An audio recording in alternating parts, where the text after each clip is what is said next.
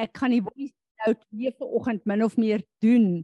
Maar ek wil eers sê ons moet kom en verklaar dat ons is vanoggend hier omdat ons die Here wil behaag. Ons is vanoggend hier om vir hom te sê met ons liggame. Ons wil fokus op wat hy vir ons wil doen. Nie wat ons uh, kan ontvang nie, maar wat ons kan kom byvoeg by dit wat hy wil doen. Elke een van ons met wat ons dra, is hier om saam 'n lofoffer op te laat gaan. Hierdie is 'n altaar en ons is hier om die altaar te diens vir oggend. So kom ons begin. Ek gaan vir ons bid en dan gaan ons worship. Vader, dankie dat ons vandag hier by mekaar kan wees as hierdie deel van u liggaam wat u bymekaar geroep het om saam 'n werk vir u te doen. Dankie Here dat daar 'n voice sprint in die gees uitgestuur word. Dankie dat ons inskakel by u weermag en ons neem neem ons posisie ver oggend op vanuit hierdie plek. En Vader, ons wil kom en ons wil sê dat elkeen van ons het 'n 'n 'n besige program met baie goed wat rondom ons geplaas word wat ons gedagtes baie keer so beset dat dit voel of dit ons consume. Ons wil nou kom en ons wil ons gedagtes kom gevangene neem. Ons wil dit nou gehoorsaam maak aan U en ons wil hierdie tyd vir U gee om te doen wat U wil doen. Ons kom buig in aanbidding voor U.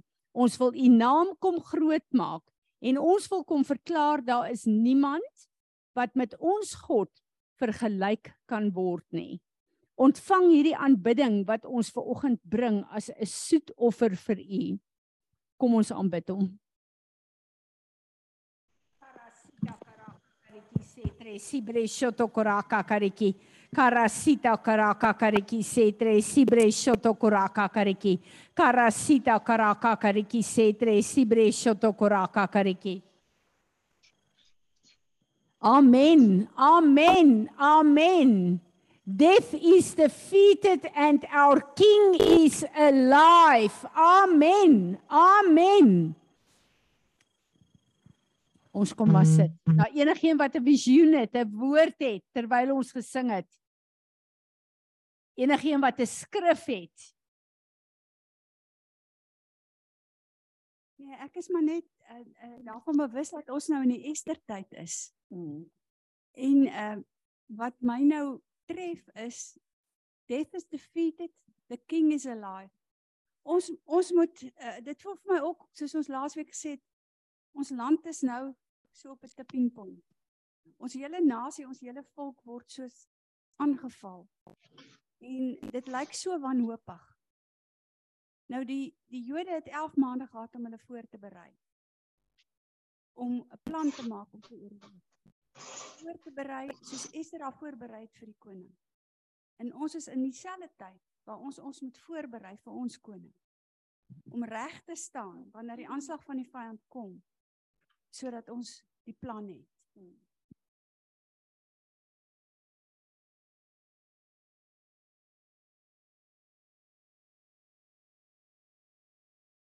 Terwyl ons hierdie laaste lied gesing het, het ek die visioen gekry van van 'n oorlog, maar dis 'n antieke oorlog met hierdie waans wat so uittrek om die vyand te gaan oorwin en Jesus is voor, hy's die aanvoerder van die leer.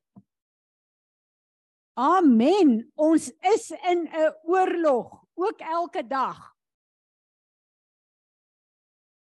'n Kind, 'n kind wat opgroei en skielik volwasse is.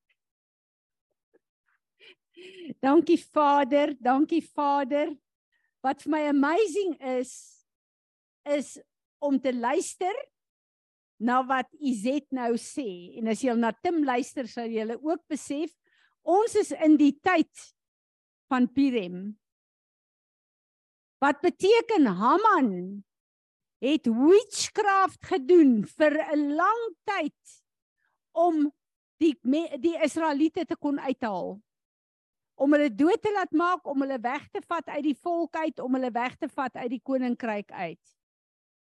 Hierdie is die tyd wat Haman sy strikke gestel het sodat die Israeliete hulle destiny kan verloor. En vir my is dit so interessant. Vir oggend toe die hoeveelste leier van die leiers wat die Here my toelaat om te bid en te bedien, my bel oor offens. Toe dink ek nou toe en dit is Haman. Dis presies waaroor dit gaan. En dan gebeur goed in ons eie lewe en met ons dan dink ons Bella, jy het my offend. Maar eintlik is daar 'n ding in die gees uit wat wil stumbling blokke gooi. En ons moet weet in watter tyd ons lewe dat sekere aanvalle wat ons kry, is nie sommer net aanvalle wat my broer of my suster gee nie. Dis 'n meesterplan van die vyand om my uit my destiny uit te haal. Nie net om jou kwaad te maak vir jou broer of jou suster nie, maar jou om jou uit jou destiny uit te haal. As ons kyk na Moses. Moses se hele lewe het daaroor gegaan dat hy 'n prophetic action was van 'n hele volk. Moses se lewe en sy roeping en sy trials and tribulations het nie gegaan oor Moses nie. Dit het gegaan oor die verlosser van Israel en al die goed wat met hom gebeur het. Hy het in 'n paleis groot geword. Hy was 'n prins gewees. Toe skielik skop nie net die Israeliete hom uit nie, maar sy eie die Egiptenare ook. En hy hoort nêrens nie. En Moses is sekerlik op 'n plek van dis onregverdig. Kyk wat gebeur met my. Dis nie my skuld nie. En hy moes vlug vir 40 jaar moes hy in die woestyn lewe Iemand wat in 'n paleis groot geword het in 'n woestyn is jou grootste bekommernisse kos en water om te oorleef. En hy het groot geword in 'n oorvloed daarvan. Maar hy het nie geweet terwyl hy in daai woestyn sit en sukkel en swaar kry. God berei my voor om die Israeliete vir 40 jaar in 'n woestyn te lei nie. God kon nie dit met Abraham eh, met eh, Aaron doen nie, want Aaron het nie die kennis en die ervaring van 'n woestynlewe gehad nie, maar Moses het. So Moses was op 'n plek waar sy lewensomstandighede en sy goed met tye nie lekker was nie, maar dit was die voorbereiding. Want Moses se klomp probleme het van hom die oplosser gemaak van 'n hele volk se probleme. Maar Moses moes toegelaat het dat daai stumbling blocks stepping stones raak in sy destiny. Ek kyk na Moses en ek dink ons lees die Bybel so vinnig. Maar vir 40 jaar was hy in die wildernis van die Midianiete gewees. 40 jaar is 'n lang tyd. Ek is seker hy het gedink maar wanneer word ek hier uitgehaal. Maar Moses se eie tye was nie belangrik nie. God se tydslyne is belangriker as ons sin. En in die proses kan ons nie ongeduldig raak nie. Ons moet ons onderwerp aan God se strukture en sy prosesse. Tanya het 'n visioen gesien van klein kindertjies na groot mense toe. Dit is die prosesse. Ek en jy is in die gees 'n baba as ons wedergebore word. En dan kom al hierdie goed wat teen ons kom, wat ons met die lering, met die impartation, die sleg, die nie lekker nie, die die lekker, al daai goed kom. En as ons dit op God se manier deurgaan, dan bring dit vir ons van 'n baba skoene na maturity waar die goed wat ander mense doen en sê wat verkeerd is, jou nie meer affekteer en jou nie meer stuur nie. En dis daai volwassenheid wat God by ons wil hê. Kom ons kyk na Johannes die Doper. Sy hele lewe wat hy gelei het. Alles wat hy gedoen het, ook in die woestyn, was om 'n pad voor te berei vir iemand anders. Johannes die Doper was nie hierdie groot ministry man nie. Hy was die ou wat sy hele lewe neergelê het om iemand anders wat groter as hy is 'n pad voor te maak. En toe hy op die plek is waar hy hoor Jesus het verskyn. Jesus kom na hom toe. Hy doop Jesus. Hy het die revelation om te sê ek is nie eens waardig om u skoene vas te maak nie. Maar sy hele lewe, alles het gegaan oor Jesus en oor hierdie oomblik. Hy's so seker daarvan. Vader God gee vir hom die voorreg om Jesus te doop sodat hy in sy aardse bediening kan begin. Maar toe word hy in die tronk gesit. En skielik is die een wat hy alles voordeur gegaan het. Die verwerping, die trials, die tribulations, al die goed wat hy vir hom deur gegaan het. Hy's nie tronk en hy kom besoek hom nie eers nie. En die woord sê hy het offens gevat in Jesus. Kom ek lees vir ons.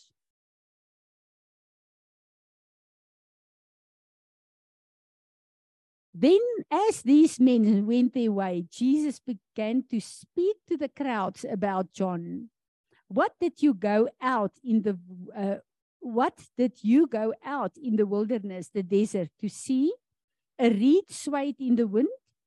Truly i tell you among those born of women there is no one has risen greater than john the baptist. Yet he is the least in the kingdom of heaven. The kingdom of heaven is greater than he And from the days of John the Baptist till present time, the kingdom of heaven has endured violent assault, and violent men seized it by force as a precious prize. A share in the heavenly kingdom is sought with most ardent zeal and intense exertion. Jesus kom en hy sê na die disippels vir hom vra, maar wat nou van Johannes? Hoekom vra die disippels vir hom maar wat van Johannes? Want die disippels het ook gevoel Johannes het sy alles gegee om mense honger te maak, om hulle te laat repent, gereed te maak vir die Messias. En nou sit hy in die tronk. En al wat Jesus doen is hy sê vir sy disippels, gaan sê vir Johannes. Hy los nie sy bediening en gaan kuier of gaan troos vir Johannes nie. Hy sê vir Johannes: Blinde oë maak uh, word oopgemaak. Mense kan sien, die siekes word genees, die demone word uitgedryf. Die koninkryk van God, Johannes, waarvoor jy gewerk het jou hele lewe, is nou hier. Maar Johannes het offens gevat. Ek wil vir julle sê Offens is een van die sterkste wapens van die vyand. Dis wat Haman gedryf het, sy offens, sy haat vir die Jode om hulle destiny af te sny op aarde. Prys die Here vir Ester. Maar in hierdie tyd veral is daar 'n strategie van die vyand uit oor die kinders van die Here om te sorg dat daar situasies gebeur waarin jy offended is. En dit wat Tanya gesien het ver oggend is baie belangrik. Offense toets ons hoe mature is ons. Dis nie kennis wat ons mature maak nie. Dis ons reaksie op die trials en tribulations in ons lewe wat wys hoe mature ons is. Mag ek en jy op 'n plek kom waar wanneer mense ons te nakom, ons dit sal hanteer met ek vee dit van die tafel af en ek maak die beste van 'n situasie. En nie toelaat dat die vyand goed oprig om ons uit ons destiny uit te haal nie. Jesus gaan na Nasaret toe om sy bediening daar te begin. Die plek waar hy groot geword het, die plek waar hy 'n klein seentjie was. Ek sal nooit vergeet nie die eerste keer toe ek in Nasaret kom. Het daar 'n hartseer oor my gekom. Ek weet nie of julle Willa en Izet saam met my daar was daai eerste keer nie. En ons het op 'n straathoek gestaan en daar 'n seentjie uh geloop met 'n snotneusie in so verwaarloos. En ek het gekyk en ek het gedink Jesus het as kind in hierdie selfde strate het hy waarskynlik ook as 'n kind met 'n loopneusie en 'n die gewone mens wees rondgeloop. En in Nasaret het Jesus gestaan en die mense het gekyk en gesê: "Ag nee man, dis hulle Nady." Ehm um, sy's nou besig om hier te preek en vir julle 'n klomp stories te vertel en uh te vertel van wat sy glo. Maar onthou julle, sy het saam met ons gespeel. Onthou julle wie se ma, onthou julle wie se pa. Hulle is nie eintlik mense wat regtig belangrik is nie. Moenie vir hulle nee luister die man, dis een van ons mense en daar staan die mense het offens geneem in Jesus. En dit het alle wonderwerke en ministerie van Jesus afgesny vir 'n hele dorp. Offens is nie net sterk genoeg om ons uit ons destiny uit te haal nie. Offens is sterk genoeg om al God se krag en wonderwerke in ons lewe te stop. En ek besef net hoe 'n gevaarlike tyd is ons in, veral omdat ons in Pirem is. ek kyk na John na Johannes uh, in uh, Matteus 11 vers 2 tot 6. En uh, kom ek lees dit vir ons. Ek kan nie dink dat iemand meer onregverdig behandel is as Johannes die Doper nie om in die tronk gegooi te word onskuldig. Nadat hy weet en sy disippels weet hy was getrou aan God en hy het alles gedoen op aarde wat hy moes gedoen het. En toe word hy in die tronk gegooi. En daar staan: Now when John in prison heard about the activities of Christ, he sent a message by his disciples and asked him, "Are you the one who was to come or should we keep expecting a different one? Nadat hy Jesus gedoop het het die feit dat hy offens geneem het sy visie geblur. And Jesus replied to them go and report to John what you hear and see. The blind receive their sight the lame walk the lepers are cleansed by healing and the deaf hear The dead are raised up and the poor have good news, the gospel preached to them. The blessed and happy that say Jesus now.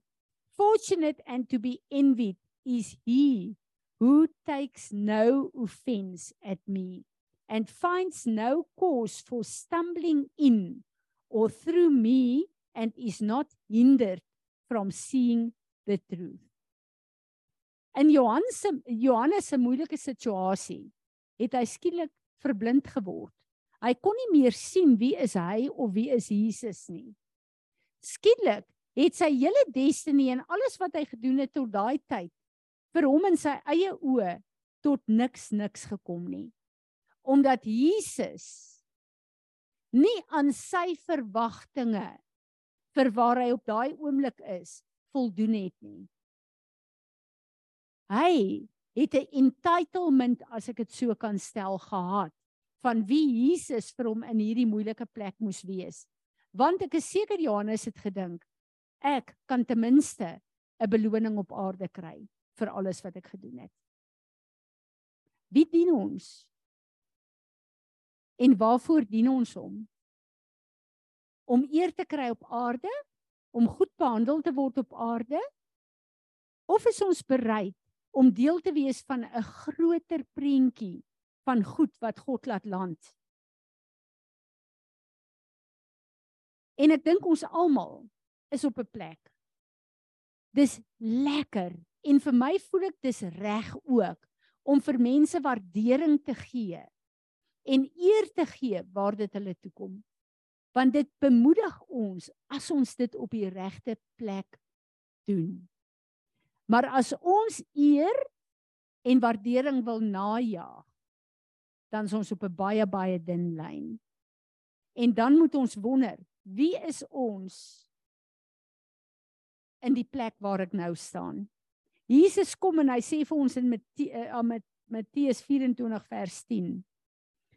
And many will be offended and repelled and will begin to distrust and desert him who they ought to trust and obey and will stumble and fall away and betray one another and pursue one another with hatred. Wat gebeur as daar offenses wat ons nie reg hanteer nie, dan sny dit jou af, dan trek jy weg. Dan wil jy uitkom uit die plek waar jy offended is. En dis presies die vyand se grootste grootste plan. Want dan sny hy jou af en hy haal jou uit jou destiny uit. Ons lewens is deel van 'n groter prentjie. En ons is boustene. Maar ons kan kies of ons 'n stumbling block of 'n bousteen is.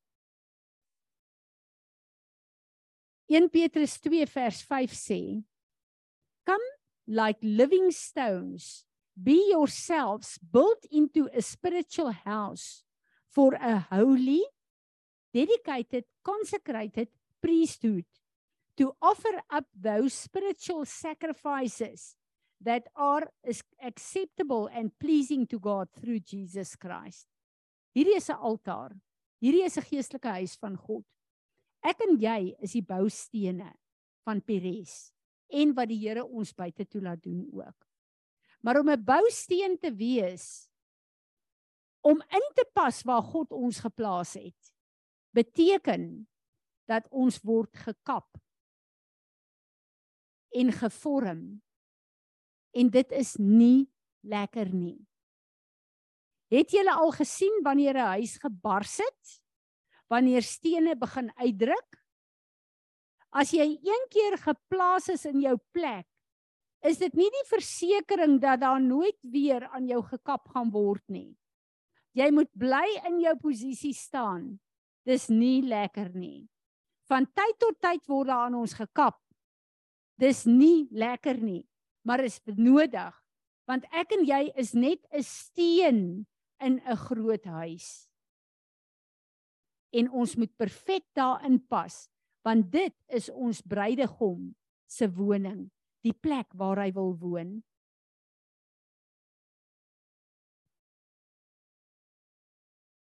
Ek moet vir julle sê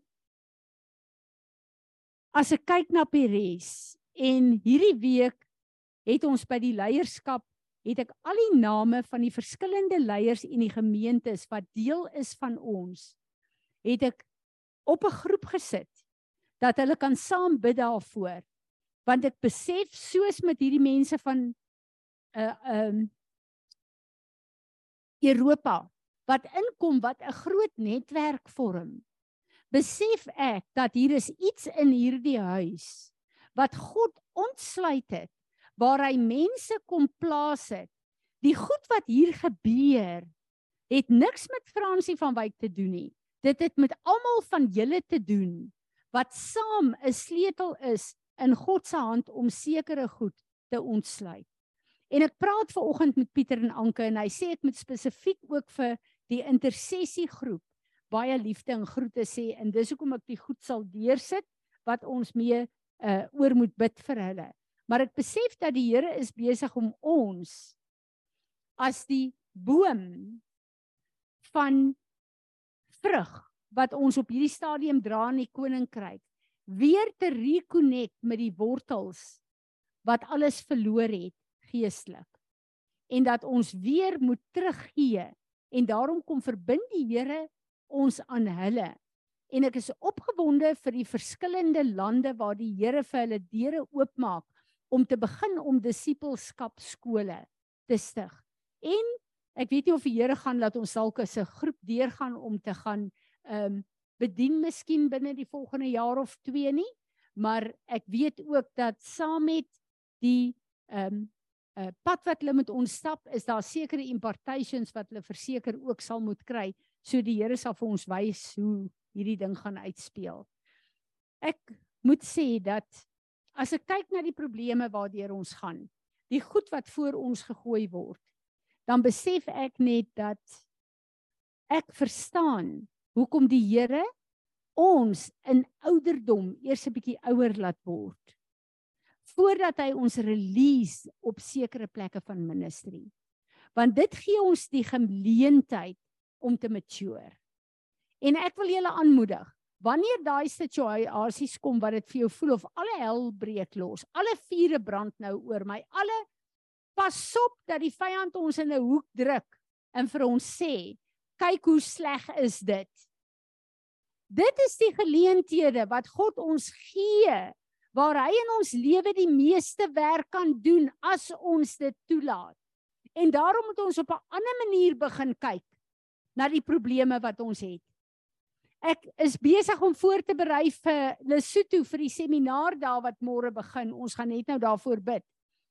En terwyl ek besig is om voor te uh, berei, besef ek net dat uh, daar is plekke wat die Here ons toelaat om deur goeters te gaan. As ons daardeur gaan, het ons 'n 'n getuienis as Izet deur 'n probleem gewerk het en sy het deur gebid en sy het daardeur gewerk tot sy die oorwinning het. En sy staan in die oorwinning. As ek môre daai probleem kry, gaan ek na haar toe gaan om vir my te bid. Sy die autoriteit, sy die wysheid, sy die raad, sy die alles. So die probleme wat ons kry, die Here gee dit vir ons as plekke om te groei in wysheid en in insig, sodat wanneer ek en jy 'n baba Christen moet vat en help op die plekke van offens, op die plekke van van uh, neerlaag, dat ons hulle kan vat vanuit 'n plek van hier is 'n plek waar die Here my in oorwinning het. Maar hierdie ding wat Jesus kom 'n uh, uh, uh, highlight het, Offense is die wapen van die vyand wat aanhou 'n stumbling block gaan wees tot ek en jy mature genoeg is dat wanneer iemand anders onregverdig optree, ons dit kan hanteer met 'n plek om 'n uh, letterlik dit aan die kant te maak en letterlik daarmee te deel as 'n hiccup en nie 'n groot vuur wat brand nie. So embrace die plekke waar hierdie goed gebeur. Want dit is die goed wat ons moet leer en ons moet toerus kyk wat het met Job gebeur. Dis een ding om arm te wees en swaar te kry van kleins af. Dis 'n ander ding om die rykste man te wees en alles gaan goed met jou en almal kyk op na jou en jy het inspraak in 'n hele gemeenskap en jy word geken as 'n man wat alles bymekaar het en skielik verloor jy alles. En jou beste vriende draai van jou weg. Jou slawe in jou huis is nie meer jou slawe nie want jy het nie eers meer 'n huis nie. Jou gesondheid is daarmee heen. Mense wil nie naby jou kom nie want jy stink van die goed wat uit jou sere uitloop. Om op daai plek te wees en prys die Here, ek dink daar's een Job. Maar uit Job uit kan ons baie leer. In al daai moeilikheid het Job nooit nooit God verloon nie. Terwyl sy vrou wat veronderstel is om die naaste aan hom te wees, sê vloek God en sterf. Want sy het net eenvoudig geweet daar's geen omdraai kans nie. Job het getrou gebly aan God, maak nie saak wat sy omstandighede is nie. Wie dien ons? Die tye wat dit skielik met ons sleg gaan of die tye wat daar skielik goed teen ons kom? staan ons getrou teenoor God en sê ek het 'n destiny in die Here en niemand in niks gaan my skuif nie. Josef het hierdie wonderlike woord van God gehad. Die absolute duidelike visioen. Son, maan en sterre buig voor jou. En skielik word hy van alles gestroop. Maar God beskerm sy lewe want hulle wou hom doodmaak. God kom en hy beskerm jou in die plek waar die vyand jou uitklee. En die vyand het 'n beperkte mag in my en jou lewe. Hy het nie 'n vrye hand nie. Ons het dit met Josef duidelik gesien. En elke keer as Josef dink, nou se ek op 'n beter plek. Hy was weer op 'n plek waar hy beheer gehad het oor al Potifar se goed. Weereens val hy en hy's terug in die tronk. En elke keer is Josef kwaad vir die Here. maar baie vinnig besluit hy God is my enigste redder en draai hy na God toe. En ek en jy ken die geskiedenis. En Josef kon gedink het toe hy in die tronk beland, hy's verder van God af as ooit, maar hy was baie nader aan sy plek van deurbraak. Moet nie toelaat dat jou omstandighede vir jou sê waar jy in die Here is nie. God het 'n werk begin in jou lewe die dag met jou wedergeboorte. Hy sal daai werk volbring. Behalwe as jy dit weier en sê ek gaan nie verder nie. So wat ek vir julle wil sê is dat maak baie seker wat in jou lewe aangaan nie te doen het met die oop hemel wat bo oor ons is nie. Dit is wat ek so waardeer van die feeste van God. Elke fees het 'n oop hemel in die gees ook. En dan moet ek en jy in ons lewe kyk, wat gaan aan in my lewe? Want elke fees het 'n goddelike betekenis. Maar die vyand gebruik dit ook en bring sy demoniese betekenis ook ook daar. Elke fees is daar sekere aanvalle wat oor ons kom. Wees wake up daarvoor. En align met God se fees. Purim is nie een van Jesus se feeste nie, maar dis 'n fees waar God vir ons leer in die woord dat wanneer die vyand kom om jou destiny af te sny, dan is daar 'n God wat jy kan onttrek en jy kan sê Here, u plan vir my lewe, nie die vyand se plan nie. En ons weet wat was die uitkoms daarvoor gewees. Maak nie saak wat 'n meesterplan die vyand het nie. Hy kan nie slaag as jy jouself met God verbind en sê ek sal word en wees wie God my geroep het om te word en te wees nie. Ek en jy het alles, ons is Nuwe Testamentiese kinders van God. Ons het Heilige Gees van God wat in ons woon. Ek het Sondag so ervaring gehad toe die Here die woord bedien het en ek besef dat ons grootste probleme is die plekke waar ons het Heilige Gees in ons, maar waar Heilige Gees nie ons het nie. En ons ons eie battles wil fight, ons eie goed wil doen en dit loop altyd op 'n gemors uit. Laat Heilige Gees toe om die chaos te bring in God se orde soos in die begin van die skepping. God het 'n woord gespreek en gesê laat daar lig wees. Hy het 'n woord gespreek met ons wedergeboorte, laat daar lig wees. En toe moes die Heilige Gees God se woord in die goddelike orde op aarde bring. Ek en jy is wedergebore. Die oomblik toe ons wedergebore is, het God duisternis en lig in ons kom skei. Maar daai oomblik moet ek en jy toelaat dat Heilige Gees sy werk in ons lewe doen. Adam en Eva is eers in in 28 vers 28 geskep. Toe al die chaos uitgesorteer is, toe al die goed geskep is, toe eers is hulle geskep. Hoekom? Omdat dit nie hulle werk is om die chaos en hierdie goed uit te sorteer nie. Dis Heilige Gees se werk en ek en jy moet kom en ons moet Heilige Gees toelaat om ons te lei om saam met hom te werk om God se volheid en se orde in ons lewe in te bring. Amen. Vader, ons wil kom en ons wil vir U dankie sê dat U deur U genade vir ons wys wat in die hemele aangaan. En in hierdie tyd Vader waar Haman gekom het met al die witchcraft om vir die koning te sê Die Israeliete, die Jode is jou vyand, maak hulle dood. Here, ons het 'n vyand op aarde nog steeds. Maar vandag sê ons, geen witchcraft aanval van die vyand op my lewe sal my op 'n plek hou waar my destiny in U verlore sal gaan nie. En ek bid vir die oorwinnende genesende krag van Jesus Christus van die oorwinning op Golgotha om te manifesteer gees, siel en liggaam in my eie lewe. En ons wil vir U dankie sê vir U roeping op ons elke een. Ons wil vir U dankie sê vir U roeping op hierdie huis en ons wil opnuut weer sê Here, Maria het gesê, let it be to me according to thy word. En ons wil sê Here, Laat dit in ons lewens wees en in hierdie huis wees according to your word. Here Jesus, ons sal nooit genoeg dankie kan sê dat U die prys betaal het om ons terug te koop uit die hand van die vyand nie. En geen Haman kan dit verhoed en ons lewe en destiny steel nie. Ons sê vir U dankie. En ons sê almal saam, amen. Amen. Enigeen met 'n woord. Tanya kyk vir my op die is wie is op die uh, Zoom?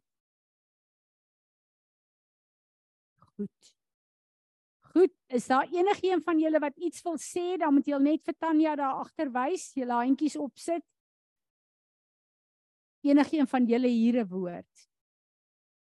Iets wat julle wil byvoeg?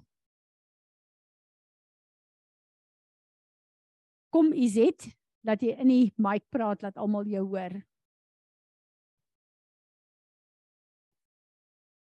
Ek, dit, ek kom ek kom onder die besef van die erns van die saak. Want Esther het gesê so kom ek om, so kom ek om. Ek gaan nou na die koning toe. Dis dis teen die wet, dis teen die regulasies, maar ek gaan na die koning toe al kom ek om. Ja. Anele? Môre Anele. Maak oop jou mic. Môre Fransie, môre julle almal. Ek het ook net die woord gekry van ehm um, ons is almal pilare. Ons moet nou net sterk bly staan. Amen. Amen. Ek wil hê vanoggend moet ons bid vir ehm um, Tim. Uh hy en Susan uh en Isaac is saam. Hulle is in Japan by hulle een seun by Jacob. Ja, uh Jacob is getroud met 'n Chinese meisie, maar haar pa is 'n pastor. En uh sy en Jacob het begin met 'n groep daar en die Here het deur Chuck Peers vir ek sal tog uh wil laat daai woord net ek ja okay ek sal die woord op die groep sit dat julle ook daarna kan luister. Uh vir hulle 'n woord gegee um om in Japan 'n werk te begin. En terwyl ek vir hom bid, toe wys die Here vir my maar hierdie is eintlik 'n first fruit wat hy as 'n wave offering gaan bring en die werk wat hulle begin in Japan gaan hy multiply in die ooste. Toe ek die woord vir Tim sê, toe sê hy is presies dit wat die Here vir hulle gewys het, maar toe vra hy of ons vir hulle sal bid. Hulle is nou vir 12 dae in Japan. So ek wil regtig hê ons moet vir Tim bid en dan uh, hy kan nie twee keer Suid-Afrika toe kom nie, so hy kom in September gedurende die Aerial Gate konferensie ook, maar hy gaan voor of na die tyd gaan hy 'n paar dae na ons toe kom wat ek baie bly voor is. So ek wil regtig hê ons moet vir Tim en vir Susan bid vir dit wat die Here daar wil doen. En dan wil ek ook hê ons moet vir Lesotho bid. Ehm um, hierdie mense is so opgewonde en het soveel voorbereidings en goed gedoen en ja, laat ons regtig bid dat die Here sal land wat hy wil land daar. En dan wil ek hê ons moet vir uh, apostel Natasha bid en die hele span wat daar is. Ek uh, sy en uh, sy en Eunice is regtig besig om weer bietjie uh, bande op te neem.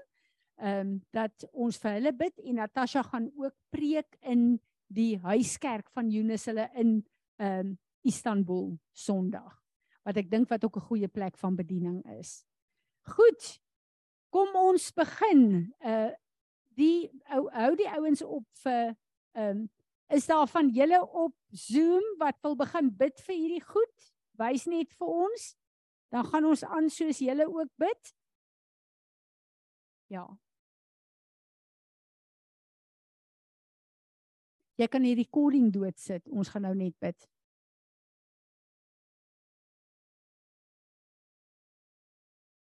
Daar's